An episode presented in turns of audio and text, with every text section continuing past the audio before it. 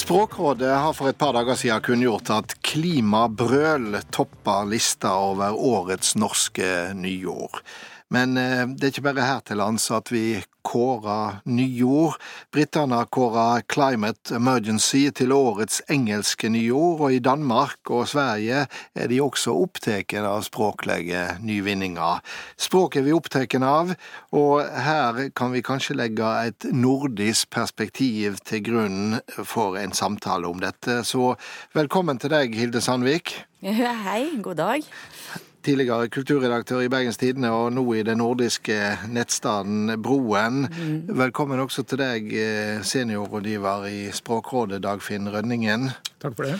Eh, Språkrådet har laga ei topp ti-liste over de mest interessante nyorda her til lands det siste året, og klimabrøl er altså årets vinner. Er det et eh, nyord du kan like, Hilde Sandvik? Mm, jeg sto Jeg var helt tilfeldigvis forbi og hørte det, så jeg tenker at det brølte seg inn i, språk, i språkheimen. Så du, betyr det at du Et ord du kommer til å gjøre deg bruk av? Jeg tviler vel egentlig på det. Altså, det var jo knytta veldig opp til noe som hendte eh, der og da. Eh, så det kan, men det kan jo være altså, at det sniker seg inn, at det, at det, kommer til å stå for en eller annen klimakritikk, demonstrasjon, trykk. Eh, vanskelig å si, men, men eh, litt morsomt at det havner på topp, da. Hva førte dette ordet til eh, topps hos dere i Språkrådet, Dagfinn Rønningen? Det var vel kanskje det mest emblematiske ordet for året. Og med det så mener jeg at det hadde en sterk symbolverdi og sier noe vesentlig om eh, noe som var viktig i 2019. Det mm, er nok kanskje veldig knyttet til en bestemt hendelse, men eh, samtidig så eh, viser det så veldig tydelig eh, hva slags engasjement som ble eh, markert spesielt iblant ungdom i 2019. Det er et ord som eh, har en veldig styrke i seg gjennom etterleddet brøl. Og etterleddet blir egentlig òg brukt på en litt annen måte enn det det tradisjonelt har blitt i, i norsk. Eh, vi forbinder kanskje mest med slikt som Kollenbrøl og, og tribunebrøl, og da er det begeistring vi mest eh, assosierer det med. Men i tillegg til engasjement her, så får vi jo et tydelig inntrykk av eh, sinne og, og eh, litt oppgitthet, egentlig. Du snakker om eh, denne bruken av, av eh, etterleddet brøl, men det er vel flere ord som dere har diskutert som har med klima å gjøre, som, som, som bruker etterleddet på en annen måte? Skam-ordet, f.eks.? Ja da. Og det måtte nesten bli med et skamord i år, for eh, kanskje noe av det mest eh, typiske på nyårsfronten i 2019 har vært eh, at skam som etterledd i sammensetninger har blitt så produktivt. Dette med klima går igjen. Jeg nevnte at det britiske ordet det er eh, 'climate eh, emergency'. Eh, på, I Sverige så har de nyordet Greta-effekten. Og Danmark og kanskje motsatt vei med klimatosse, altså kanskje klimatulling. Hva, hva sier dette her, Hilde Sandvik, om det nordiske politiske bildet? Det er ganske interessant og morsomt faktisk å lese norske, og danske og svenske listene over nyord. For imellom der så kan du på en måte ane òg det som er den lille men ganske tydelig forskjellen på oss. Eh, og, og, for meg som holder på med det eh, til dagen, så blir det sånn at en sitter og, sitter og nesten fniser litt innimellom. Og det, det at eh, danskene har et ord som klimatosse, ja, det sier noen ting òg om dansk debatt. For dansk, danskene lar seg på en eller annen måte ikke piske inn i én retning. Altså det å snakke om Greta-effekt i Sverige, det er òg helt åpenbart var de som kom først med flyskammen. sant? Eh, som en svenske sa til meg en gang, svenskene er livredde for å gjøre feil. Og her er det ei ung jente som virkelig har satt dagsorden i hele verden. Og da får hun egennavn på seg, mens danskene ligger litt mer på bak. Litt sånn nja. Og så setter de òg et ord på på dette på sitt eh, litt sånn nesten eh, ironiske vis, da. Jeg har lyst til å spørre deg, håper du kan gi et tilnærmet ærlig svar, Dagfinn Rødningen.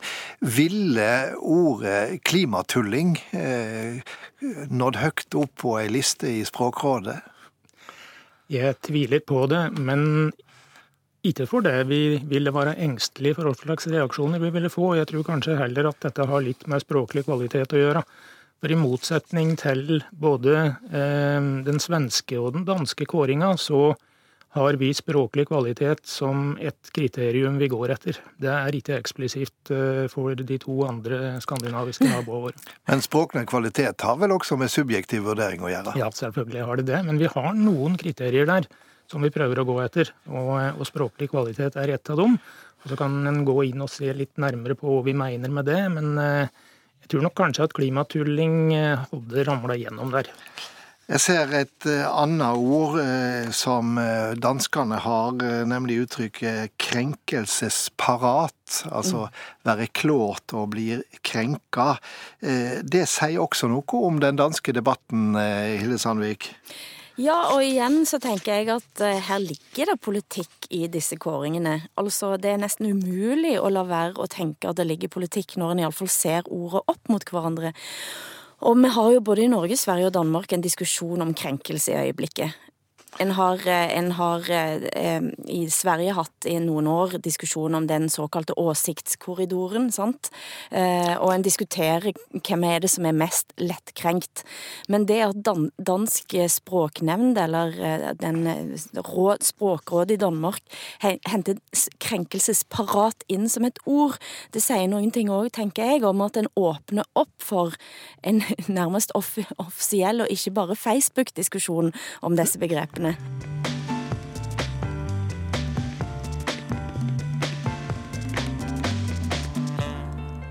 Ja, her sitter vi i Studio 62 og snakker om eh, språk og om nyord, eh, både i norsk og nordisk sammenheng. Og eh, før vi slapp Øystein Sunde til, Hilde Sandvik, så nevnte du det svenske uttrykket 'åsiktskorridoren'. Hva er det for noe?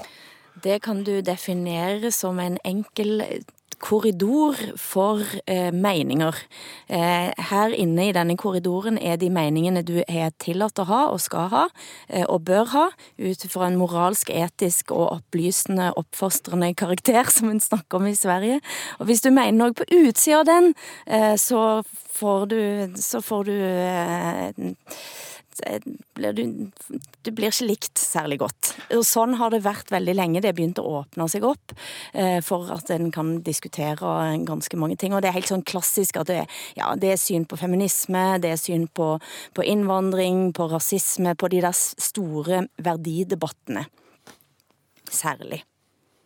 Ja, og det er jo da eh, det svenske språkrådet i fjor gjorde greie for hva slags kriterier de har for å velge ut ord til lista si, så, så var et av punktene at eh, de tok ikke med ord som hadde potensial i seg til å krenke. Og, eh, og, det legger en viss demper på den lista. Og Samtidig så ser vi jo at disse listene, danske, svenske og norske listene over nyord, det, det, det speiler jo også utviklingstrekk i, i tida.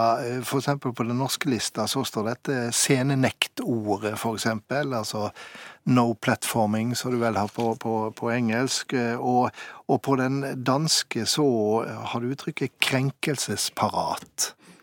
Ja da. Og eh, akkurat scenenekt for vår del så er en, eh, et eh, godt poeng med det ordet at det er et, en norsk avløser til et engelsk ord som ellers kunne ha fått utbre seg i det norske språket. Da vil vi gjerne trekke fram et godt norsk alternativ. Så en viss sånn språkoppdragende funksjon kan vi òg legge inn i dette her. Ja, og det glemmer en jo ofte når en diskuterer disse listene, Hilde Sandvik, at mm.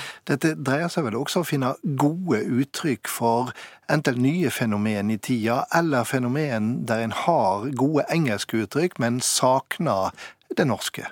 Ja, og der handler det jo om å komme tidlig nok ut. For eksempel så kunne ordet selfie etablere seg altfor raskt, og det var, det var, helt umulig når det komme ja. forslag om å kalle det for sjølvi. Men det, det jeg òg ser på disse listene, er at sånn som Danmark er jo veldig mye åpnere for å hente inn engelske nyord som en del av det danske språket. Eh, motsatsen i det nordiske er jo selvsagt islenderne som går veldig langt i å konstruere flotte nye islandske ord for engelske begreper som suser inn.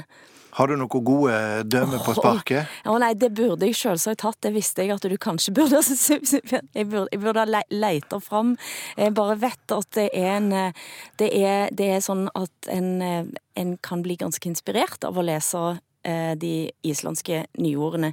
Og der har det på en måte blitt nesten en sånn slags eh, en sport i, i å finne islandske gode ord eh, for ny utvikling. Men det en òg ser, er at hvis du ser på de svenske og de danske listene, så er jo begge prega av at vi hele veien nå trenger nye ord for digital utvikling i mange retninger og sånt. Er det ei stor språklig utfordring, dette med å finne de gode uttrykkene for det som skjer på den digitale fronten? Ja, på den digitale fronten og i det hele tatt eh, på, på um, ulike fagområder. Det er jo der kanskje at norsken er under størst press fra engelsk. Eh, det kommer inn eh, fagterminologi i engelsk form, og den eh, må vi prøve å finne gode norske uttrykk for, for at vi skal unngå det vi kaller domenetap. Så det er et utbredt nordisk samarbeid når det gjelder terminologi, der en prøver å samarbeide for å, for å komme denne utviklinga i møte. Finne gode eh, nordiske termer. Jeg er jo eh, glad i å diskutere konkrete og snakke om konkrete ord. og Jeg la merke til noen ord som går igjen på flere av de nordiske språkene, som kanskje peker framover.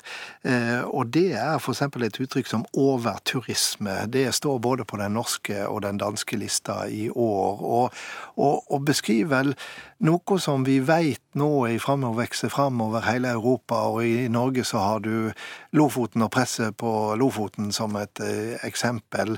Eh, er det et ord som du tror vi vil bli bruka mye framover? Ja, jeg er redd for det. Det er vel ingen grunn til å tro at eh, problemene med stor turisme vil avta, og dermed så er dette et uttrykk som har et potensial i seg til å bli et mye brukt uttrykk framover. Et annet ord som jeg var overraska over står på lista, for jeg trodde vi hadde brukt det i mange år allerede, det var uttrykket havvind. Eh, der ligger det vel også framtid, Hille Hilde Sandvik? Ja, jeg trodde òg faktisk at det var et ganske gammelt ord, hvis jeg skal være helt ærlig. Det er fordi vi er vest vestlendinger, vet du. Har ja. merket, vi har fått med oss mye havvind. Det har vært mye havvind. Nei, altså andre ord som peker framover, det er jo en Det er jo det, det, sier jo litt om eh, hvor verden er på vei, når vi både har disse ordene for klimaskepsisen og samtidig på en måte peker på liksom hvor, hvor, hvor skal energien vår komme ifra. Eh, men jeg, eh, det var et gammelt ord for min del, altså. Er det like mye oppmerksomhet rundt årets nyår i Danmark og Sverige som det er her hos oss, eh, tror jeg går til deg, Hilde Sandvik? Eh, da flyskam ble et ord, så ble jo det en sak i hele Norden. Eh, det har vært diskutert. Altså det, det, jeg husker, eller som vet fra tidligere, er at eh, i Danmark så har en hatt eh, blant annet den store majoneskrigen. og da handler det selvsagt mer om hvordan majones skulle staves og skrives. Jeg har ikke sett at det har vært diskutert sånn veldig mye årets, årets nyår. Men skamrelaterte begreper ble en kjempestor sak i, i, i Sverige. Men det er bare vi som kårer, og ikke dansker og svensker? Eh, både ja og nei. Svensker gjør det ikke. De publiserer en liste på 35 ord som de kommenterer hvert enkelt ord uten å kåre noe. Eh, I Danmark er det egentlig todelt. Den lista som eh, Dansk språknevn legger fram, den er som den svenske uten noen vinner. Men Språknemnda i Danmark kårer ett årets ord i samarbeid med Danmarks Radio. og Det er for mye oppmerksomhet. Tusen takk for at dere to var med, Hilde Sandvik og Dagfinn Rønningen.